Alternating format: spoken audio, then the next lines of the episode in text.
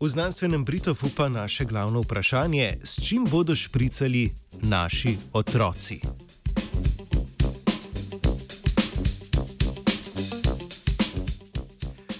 Povpraševanje po učinkovitih, okolju prijaznih načinih varovanja polščin pred različnimi boleznimi in zajdavci je vsem večje.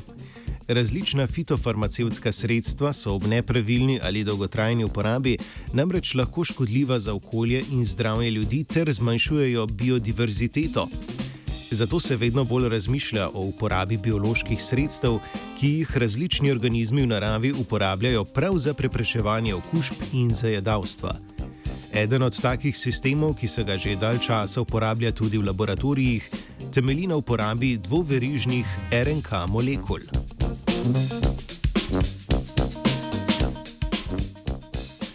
Dvoverižne RNK molekule učinkujejo kot motilci izražanja različnih enoverižnih RNK molekul.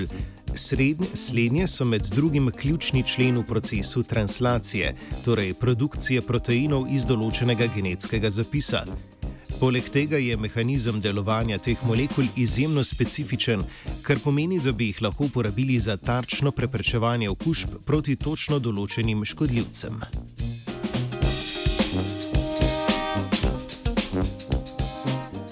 Uporaba dvoverižnih RNK molekul sicer ni nič novega, saj je ta sistem obrambe razširjen tako med rastlinami in živalmi, kot tudi med drugimi eukarionti.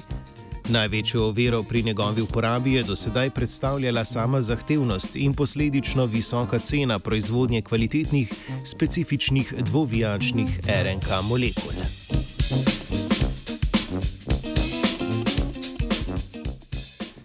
V članku v reviji Plant Biotechnology so znanstveniki in znanstvenice z Univerze v Helsinkih v sodelovanju s francoskim inštitutom CNRS ponudili možno rešitev za omenjeni problem proizvodnje dvoverižnih RNK molekul.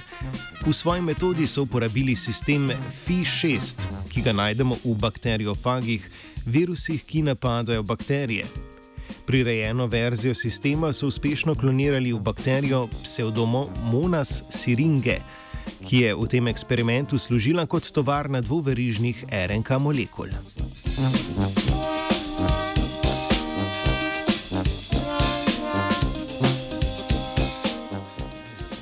Dvoverižne RNK, ki so jih naredili v eksperimentu, so bile specializirane za uničevanje tobakovega mozaičnega virusa, ki je eden izmed standardnih rastlinskih virusov uporabljenih v znanosti. S preprostim pršenjem teh molekul po listih tobakovcev so rastline uspeli popolnoma zavarovati pred okužbami.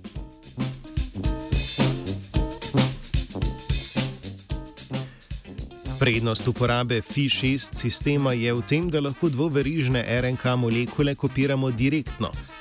V standardnih postopkih proizvodnje dvoverižnih RNK molekul pa se sprva ustvari enovijačne RNK molekule, ki se jih združuje šele naknadno.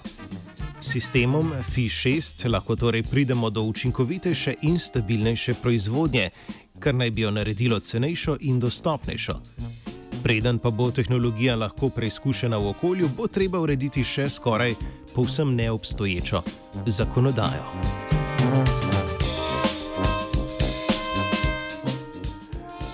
Fitofuturizmom se je spopadel Atila. Danes je bilo pretežno dozmerno, občasno tudi mestoma. Zvečer bo deloma, ponekod možne spremembe. Napoved za jutri, še naprej bo.